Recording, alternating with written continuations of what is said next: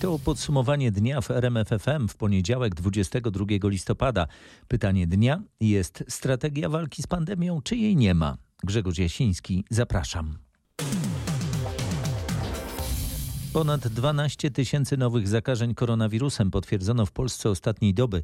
Zmarło 8 osób z COVID-19. Komentarze do najnowszych danych Ministerstwa Zdrowia zebrał Michał Dobrołowicz. Dobry wieczór. Niepokojący jest kolejny gwałtowny wzrost liczby pacjentów na oddziałach covidowych. W ciągu ostatniej doby do szpitali trafiło ponad 600 osób zakażonych koronawirusem. Zdecydowanie częściej niż w czasie poprzednich fal pandemii infekcja COVID-19 dotyka dzieci. Na to uwagę zwraca pediatra, specjalista chorób zakaźnych profesor Ernest Kuchar. Na początku pandemii myślę, że większość z nas w sposób instynktowny niejako chroniła dzieci. Czyli dzieci siedziały w domu, dzieci do 18 roku życia w Polsce 8 milionów.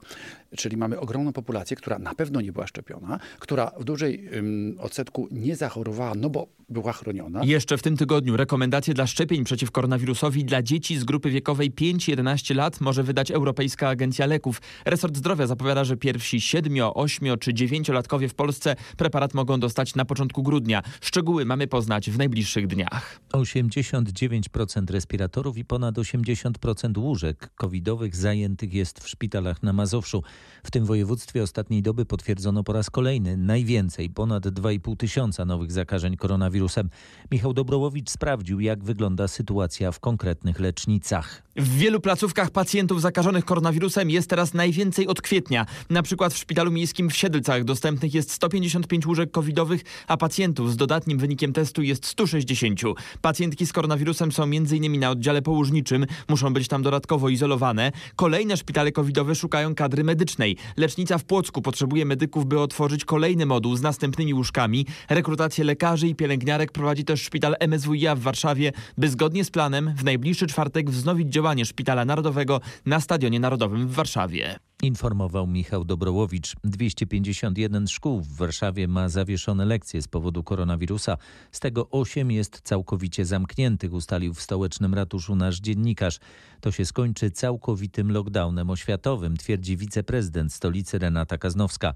Czy sytuacja się pogarsza? Tak, widać to zwłaszcza z tygodnia na tydzień. W ubiegły poniedziałek zawieszone były lekcje w 233 placówkach. W porównaniu z piątkiem, gdy problem był w ponad 400 szkołach, w Warszawie jest co prawda spadek, ale tylko dlatego, że z końcem tygodnia kończą się kwarantanny w klasach. Od środy statystyki zawsze idą wyraźnie w górę, podkreśla Renata Kaznowska w tej chwili znaczy nie widać żadnej strategii, żadnej polityki, jeśli chodzi o oświatę. Myśmy jako strona samorządowa już wiosną w zasadzie e, e, apelowali o to, aby przygotować się na różne scenariusze. Jeśli nic się nie zmieni, to jak wynika z przewidywań stołecznego ratusza, liczba zawieszonych szkół będzie rosła razem z liczbą zakażeń. Informuje Paweł Balinowski. Około 100 chorych na COVID-19 trafiło w miniony weekend do szpitali w Śląskiem.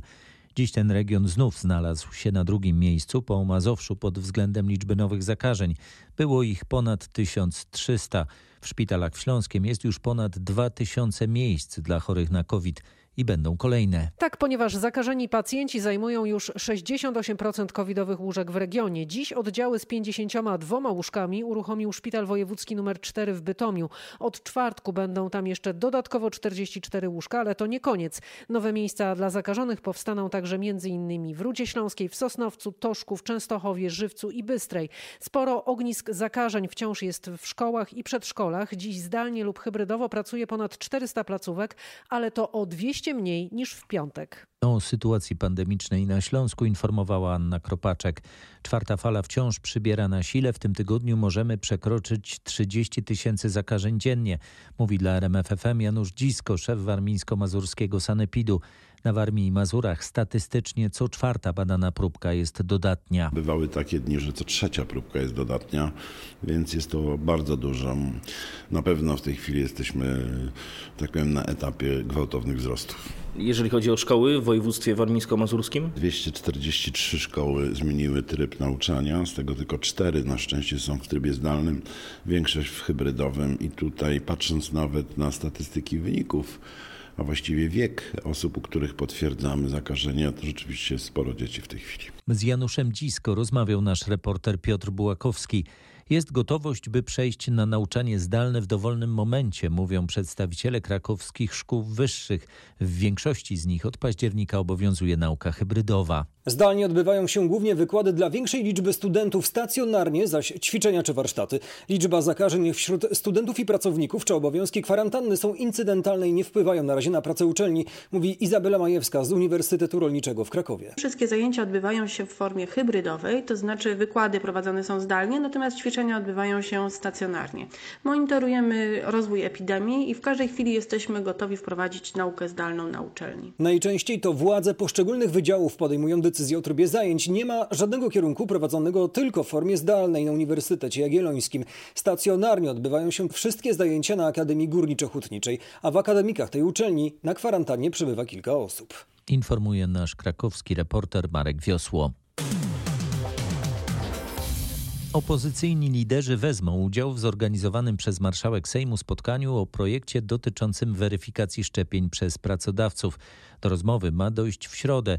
PiS liczy, że wypracuje z konkurentami rozwiązanie ponad podziałami, bo we własnych szeregach nie może znaleźć wystarczającego poparcia dla tego pomysłu. Losy tego projektu są niezwykle pogmatwane. Najpierw zapowiadał go rząd już od wakacji, ale bezskutecznie, więc próbę podjęła grupa posłów PiSu. Projekt zapowiedziała w ubiegłym tygodniu i nie mogła znaleźć pod nim raptem 15 podpisów poparcia. Marszałek Sejmu zapowiedziała więc, że na razie żadnej ustawy nie będzie, a politycy mają najpierw uzgodnić, w jakich kwestiach w ogóle się zgadzają. Jeżeli opozycja absolutnie krytykuje wszystko, to w takim razie spróbujmy pokazać, co potrafimy zrobić wspólnie. Dla tej opozycji propozycja spotkania to nie wyciągnięta ręka do dialogu, a próba zrzucenia przez PiS z siebie części odpowiedzialności za niepopularne decyzje. Od sześciu lat Prawo i Sprawiedliwość nie miało żadnego problemu z tym, aby forsować ustawy wbrew woli większości społeczeństwa, wbrew zdrowemu rozsądkowi i wbrew jakimkolwiek normom prawnym. Przekonywał rzecznik ludowców Miłosz Motyka. Projekt według wstępnych założeń miał dać pracodawcom możliwość sprawdzania szczepień pracowników i w przypadku braku certyfikatu opcję oddelegowania podwładnego na inne stanowisko. Informował Roch Kowalski. Jej nie ma, to jest niekończąca się historia. Tak o braku rządowej strategii walki z pandemią mówił w popołudniowej rozmowie RMFFM poseł Koalicji Obywatelskiej Michał Szczerba. Pamiętam sytuację z sierpnia ubiegłego roku, gdzie minister Szumowski e, powiedział, że wybiera się na wakacje, bo przygotował strategię na drugą falę. I myśmy wtedy, jak już został zdymisjonowany, przyszli do pana ministra Niedzielskiego, przyjął nas w swoim gabinecie. No i zapytaliśmy się, gdzie jest strategia Szumowskiego. No więc okazało się, że strategia Szumowskiego nie powstała jako form, w formie dokumentu. I minister Niedzielski przygotował strategię 2.0, mimo tego, że nie było strategii tej, tej Szumowskiego. Całą rozmowę Bianki Mikołajewskiej z Michałem Szczerbą znajdziecie na rmf24.pl. Straż Graniczna informuje o kolejnej siłowej próbie przedostania się do Polski przez dużą grupę migrantów. Doszło do niej minionej nocy. Ogrodzenie próbowało sforsować około 150 osób, a całe zajście, jak przekazują funkcjonariusze, było nadzorowane przez białoruskie służby. Straż Graniczna poinformowała o łącznie 346 próbach nielegalnego przekroczenia polsko-białoruskiej granicy. 58 osób otrzymało nakaz opuszczenia naszego kraju. Strażnicy zatrzymali też trzy osoby, które pomagały w tym procederze. To dwóch Syryjczyków i jeden Gruzin. O kolejnym zatrzymaniu dwóch kierowców przewożących migrantów poinformowała dziś podlaska policja. Tym razem chodzi o dwóch obywateli Uzbekistanu, którzy w autach osobowych próbowali przewieźć łącznie 8 osób. Do ich zatrzymania doszło w Piątnicy. Wczoraj, jak wcześniej informowaliśmy, w Bielsku Podlaskim zatrzymano też Ukraińca, który w busie przewoził łącznie 28 osób. Niestety nie ma doby, żebyśmy nie zatrzymywali osób, które biorą udział w tym nielegalnym procederze związanym z pomocnictwem przy przekraczaniu granicy. Daje to też wyobrażenie takie, w jakich warunkach przewożeni są ci ludzie, jak bardzo ci kurierzy stawiają ponad wszystko na zarobek. Nikt z tych przestępców z życiem tych ludzi się nie liczy. Mówi naszemu reporterowi rzecznik podlaskiej policji podinspektor Tomasz Krupa. W ostatnich dniach liczba przywożonych do nas przez Straż Graniczną pacjentów jest nieco mniejsza, mówi RMFFM lekarz ze szpitala w Hajnówce na Podlasiu. W placówce przebywa obecnie około 10 migrantów. Na miejscu jest nasz reporter Mateusz Chłystun. Z jakimi dolegliwościami trafiają tam osoby, którym udaje się przedrzeć przez granicę? To najczęściej poważne wychłodzenie i odwodnienie, ale też infekcje dróg oddechowych. Jeśli chodzi o intensywność zaawansowania ich chorób i stanu ogólnego, to niestety ta intensywność y, rośnie wraz ze spadkiem temperatury i pogorszania się warunków atmosferycznych. Mówił mi dr Tomasz Musiuk, zastępca dyrektora do spraw medycznych szpitala w Hajnówce. Pacjenci coraz częściej wymagają więc dłuższej hospitalizacji. Wśród nich są także dzieci. Dzieci nie jest tak łatwo zbadać, nie są w stanie powiedzieć o swoich dolegliwościach wszystkich, więc nawet z marginesem bezpieczeństwa chcemy te dzieci obserwować. Co istotne, przyjmowanie pacjentów migrantów przez placówkę nie zaburza jej pracy. Wszystkie planowe przyjęcia i zabiegi odbywają się bez zakłóceń. Opatrunki, żywność, ciepłe ubrania, buty i koce. Wszystko to znalazło się w uruchomionej przez Wielką Orkiestrę Świątecznej Pomocy bazie humanitarnej w podlaskim Michałowie. Dary trafiają w ręce aktywistów, którzy przeszukują lasy tuż przy strefie stanu wyjątkowego, by mogli przekazać je napotkanym migrantom. Mimo pozornej stabilizacji sytuacji w rejonie granicy, potrzebujących, którym udaje się przedrzeć na polską stronę, wciąż jest sporo. Ta półka jest tak już wiesz, z takimi potrzebnymi ogrzewacze, pieluchy, no niestety to jest najgorszy widok. Czyli materiały dla dzieci.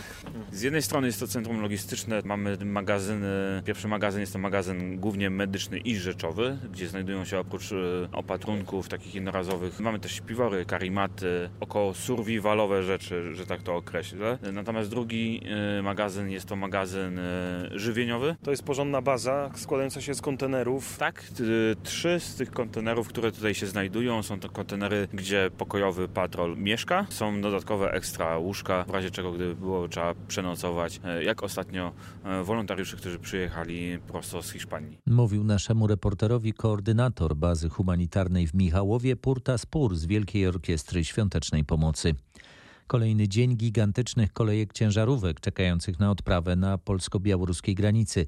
Kierowcy stoją nie tylko przed Bobrownikami w naszym kraju, ale kilka tysięcy z nich utknęło w kolejkach na Białorusi. Jak długie są kolejki za naszą wschodnią granicą? Kolejka po białoruskiej stronie do przejścia granicznego Brzostowica-Bobrownik ma około 25 km. Jak informuje Białoruski Państwowy Komitet Graniczny, stoi w niej około 450 ciężarówek. W Kozłowiczach to trasa do przejścia granicznego w Kukurykach po polskiej stronie. Jest ich około 400. Podobne kolejki ustawiły się na białorusko-łotewskich przejściach, gdzie łącznie, jak szacują pogranicznicy, ciężarówek również jest ponad 400. Sytuacja wygląda identycznie na trasach tranzytowych w kierunku Litwy. Tam na odprawę na kilku przejściach czeka łącznie ponad 1600 kierowców. Po polskiej stronie kolejka do Bobrownik ma około 20 km. Czas oczekiwania na odprawę według Straży Granicznej wynosi teraz ponad 30 godzin, ale według prognoz może wydłużyć się o kolejne 10. Informuje nasz reporter Mateusz Chłystun. Przygotowywana przez rząd tarcza antyinflacyjna ma zawierać m.in. obniżenie akcyzy na energię. Tak zapowiada premier Mateusz Morawiecki. Na pewno będziemy chcieli ją wdrożyć jeszcze przed świętami Bożego Narodzenia. Ta tarcza, która miała być prezentowana już dwa tygodnie temu, ma uchronić nas przed skutkami wyższych cen. Co dokładnie ma objąć ta obniżka? O takie rzeczy jak akcyza na prąd dostarczany do naszych domów czy na paliwa na stacjach benzynowych. Tak wynika z naszych nieoficjalnych ustaleń. Oficjalnie natomiast premier mówi tak. Tarcza antyinflacyjna będzie zawierała takie elementy jak obniżenie akcyzy na nośniki energii. Te słowa mogą dziwić, bo mniej więcej miesiąc temu tutaj w studiu RMFFM stanowczo się temu sprzeciwiał Jarosław Kaczyński. Nie powinno się ograniczać dochodów państwa, a akcyza to jest jeden z poważnych elementów dochodu państwa. Przypomnę, że jak informowaliśmy w zeszłym tygodniu, rząd rozważa także ograniczenie marsz, na których zarabiają koncerny energetyczne. Relacjonował Krzysztof Berenda. Masz więcej niż 18 lat i chcesz zaszczepić się przeciwko grypie? Od jutra możesz to zrobić bezpłatnie. Ministerstwo Zdrowia rozszerzyło listę osób uprawnionych do pełnej refundacji szczepienia przeciwko grypie. Do tej pory mogli z niej skorzystać seniorzy, pracownicy służby zdrowia i nauczyciele. Zrobiło to jednak tylko 250 tysięcy osób z 3 milionów uprawnionych gdzie i jak więc można się bezpłatnie zaszczepić? Nie jest wymagane skierowanie ani recepta od lekarza. To ważne. Wystarczy umówić się na konkretny termin w jednym z ponad 3000 punktów szczepień. Lista dostępna jest na stronie pacjent.gov.pl.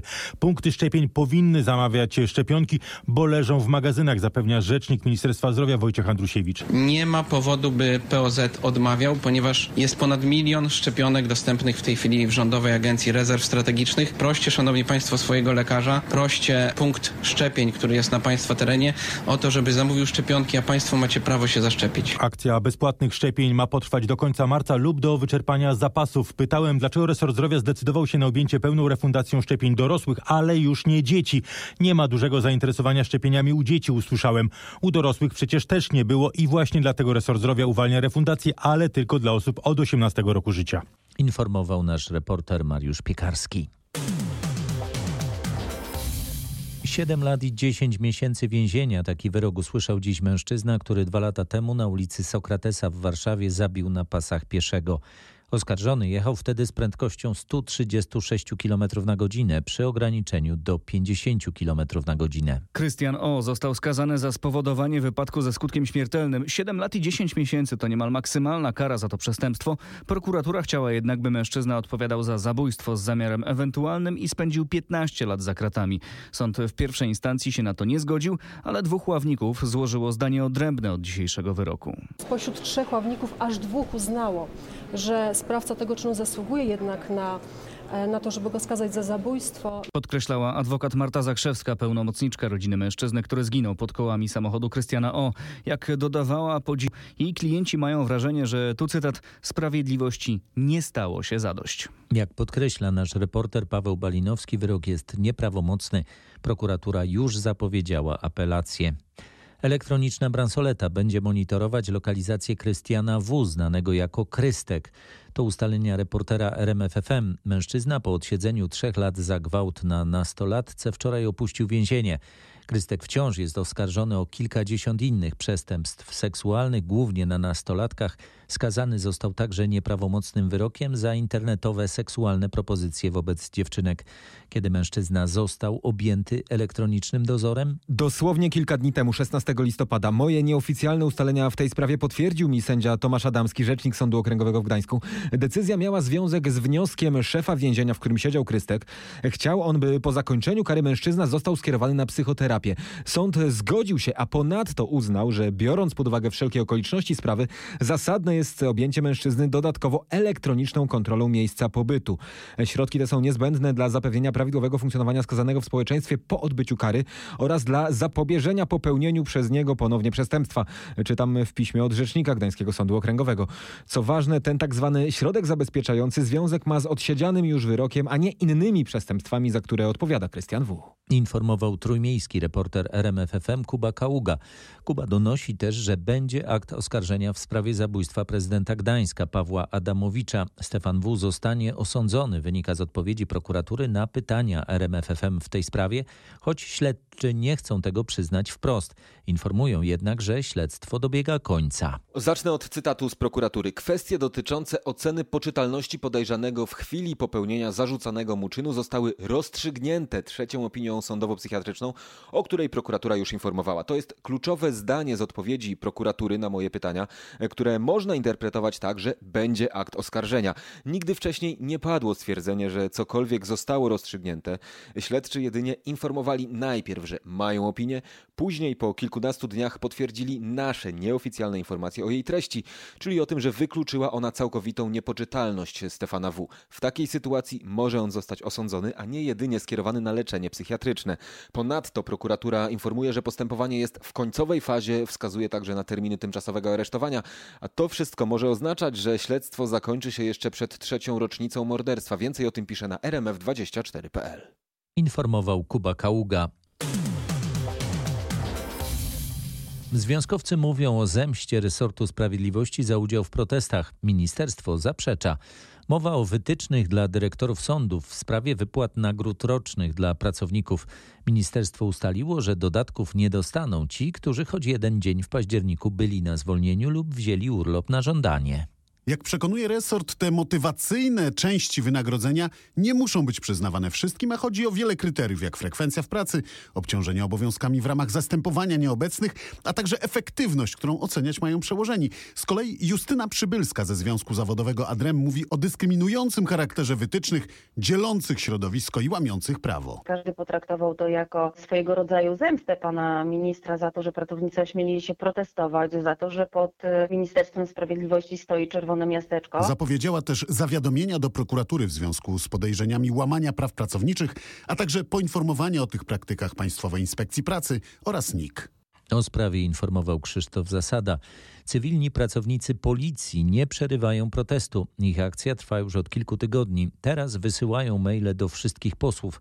Chcą, by poparli poprawkę budżetową przyznającą im od nowego roku 800 zł podwyżki. W mailach, które do nich e, przesyłamy, e, zawieramy e, naszą trudną sytuację, a także paski wynagrodzeń, w których widać rzeczywistą naszą sytuację, jak wygląda to nasze wynagrodzenie. I każdego dnia to będą kolejne, rozumiem, setki wysyłane do tych kilkuset osób.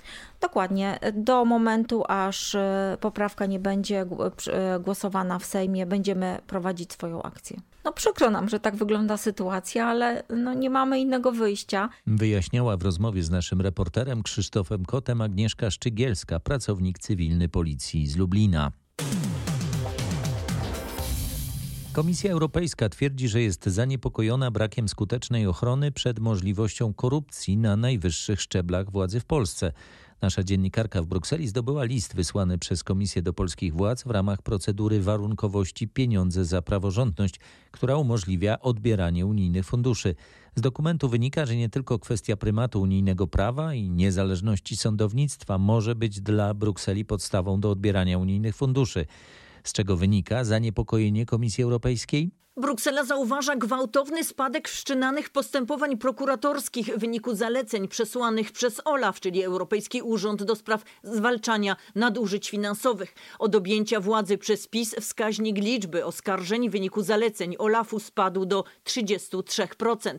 Jak czytamy w dokumencie, kwestie te mogą wpłynąć na sposób postępowania w przypadku nieprawidłowości we wdrażaniu funduszy unijnych. Komisja Europejska prosi więc o dane statystyczne od 2016 roku dotyczące przypadków korupcji, nadużyć finansowych i konfliktu interesów z udziałem urzędników wysokiego szczebla lub osób zajmujących eksponowane stanowiska. Komisja Europejska wyraża w tym kontekście także obawy co do skuteczności i bezstronności prokuratury, co może być zagrożeniem dla ochrony interesów finansowych Unii Europejskiej. Donosi z Brukseli nasza korespondentka Katarzyna Szymańska-Borginą. Pozostajemy za granicą, przenosimy się za ocean. Miasteczko Waukesha w stanie Wisconsin jest pogrążone w żałobie. W nocy czasu polskiego 39-letni mężczyzna wjechał tam w uczestników bożonarodzeniowej parady otwierającej świąteczny sezon. Nie żyje pięć osób, ponad 40 jest rannych. Mężczyzna ma być dziś przesłuchany. Dziś mają z nim rozmawiać policjanci oraz agenci FBI. Na razie nie wiadomo, jak zdarzenie będzie traktowane jako atak terrorystyczny czy inne przestępstwo. Niektóre amerykańskie media twierdzą, że mężczyzna mógł uciekać po dokonaniu innego przestępstwa i wjechał na zamkniętą ulicę, taranując wcześniej zapory, a następnie uczestników parady. Ma bogatą kartotekę, był wielokrotnie karany za różne przestępstwa. Dwa dni temu wyszedł za kaucją. Policjanci mówią o dramatycznych scenach. Sprawca uderzył m.in. w grupę dziewczynek ze szkolnego zespołu tanecznego. Wśród ofiar i rannych są dzieci. Relacjonuje nasz korespondent z Waszyngtonu Paweł Żuchowski. Do końca stycznia przyszłego roku nie będzie działała poradnia ortopedyczna w Wojewódzkim Szpitalu Specjalistycznym w Olsztynie. Lekarze ortopedzi nie zdecydowali się na przedłużenie kontraktów. Chcieli znacznie zwiększonej podwyżki, no szpitala na to nie było stać, na takie warunki. My ogłaszamy kolejny konkurs już.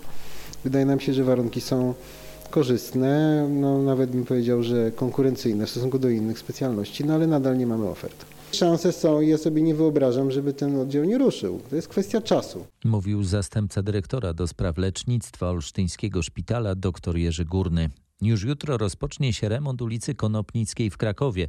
To jedna z głównych miejskich arterii. Kierowcy mogą spodziewać się utrudnień. Drogowcy chcą wyremontować odcinek pomiędzy rondem Matycznego a mostem na Wildze. Na tym odcinku wymieniony zostanie asfalt. By nie doprowadzić do całkowitego paraliżu, prace mają być prowadzone w nocy, mówi Michał Pyclik z Zarządu Dróg Miasta Krakowa. Prace chcemy realizować między 22 a 5 rano, natomiast jeżeli temperatury spadną i będą ujemne, no to wtedy wykonawca może mieć problem z realizacją niektórych prac prac w nocy, więc pojawia się takie ryzyko, że część robót trzeba będzie realizować za dnia. Drogowcy pracować będą na przemień nie tylko na jednym pasie ruchu. Od jutra od 22 prace odbywać będą się na jezdni w kierunku ronda matycznego. Koniec prac zaplanowano na połowę grudnia. Zapowiada Marek Wiosło. Estakada Pomorska zostanie dziś w nocy zamknięta dla ruchu. To oznacza, że kierowcy jadący do centrum Szczecina oraz ci podróżujący w przeciwnym kierunku będą musieli pojechać objazdem. Remontowany wiadukt w ciągu ulicy Gdańskiej przejdzie po 23 próby obciążeniowe, mówi Piotr Zieliński, rzecznik miasta do spraw inwestycji. Obiekt zostanie zamknięty, no i w tych godzinach ruch samochodów w obu kierunkach zostanie skierowany na jezdnie wspomagające biegnące obok estakady. Z kolei od 23 listopada z uwagi na rozpoczęcie kolejnego etapu robót, który polegać będzie na przebudowie południowej jezdni wspomagającej, E, zmieni się organizacja ruchu. Kierowcy jadący od centrum do m.in. ulicy Gornośląskiej czy Mostnika będą musieli skorzystać z objazdu od ulicy Księżnej Jandy i jezdni wspomagającej północnej. Od jutra podczas remontu dróg wspomagających wiadukt będzie przejezdny. Do dyspozycji kierowców będą wszystkie trzy pasy jezdni. W najbliższą sobotę już po raz dwunasty odbędzie się Dzień Otwarty Notariatu. Z powodu pandemii notariusze będą udzielali porad prawnych tylko telefonicznie i z pomocą mediów społecznościowych. Najczęściej pytają Państwo o testamenty, o spadki, o różnicę między umową darowizny a umową dożywocia, ale oczywiście nie mamy żadnych ograniczeń. Odpowiadają notariusze na pytania dotyczące czynności notarialnych, zabezpieczenia swojego majątku, w tym także czynności takich jak umowę kupna-sprzedaży nieruchomości nieruchomości, podziały majątku. Zapowiada Szymon Kołodziej, rzecznik Krajowej Izby Notarialnej. Wszelkie szczegóły dotyczące organizacji Dnia Otwartego są na rmf24.pl. Tyle na dziś. Kolejne podsumowanie dnia w RMFFM już jutro wieczorem. Grzegorz Jasiński, dziękuję. Dobrej nocy.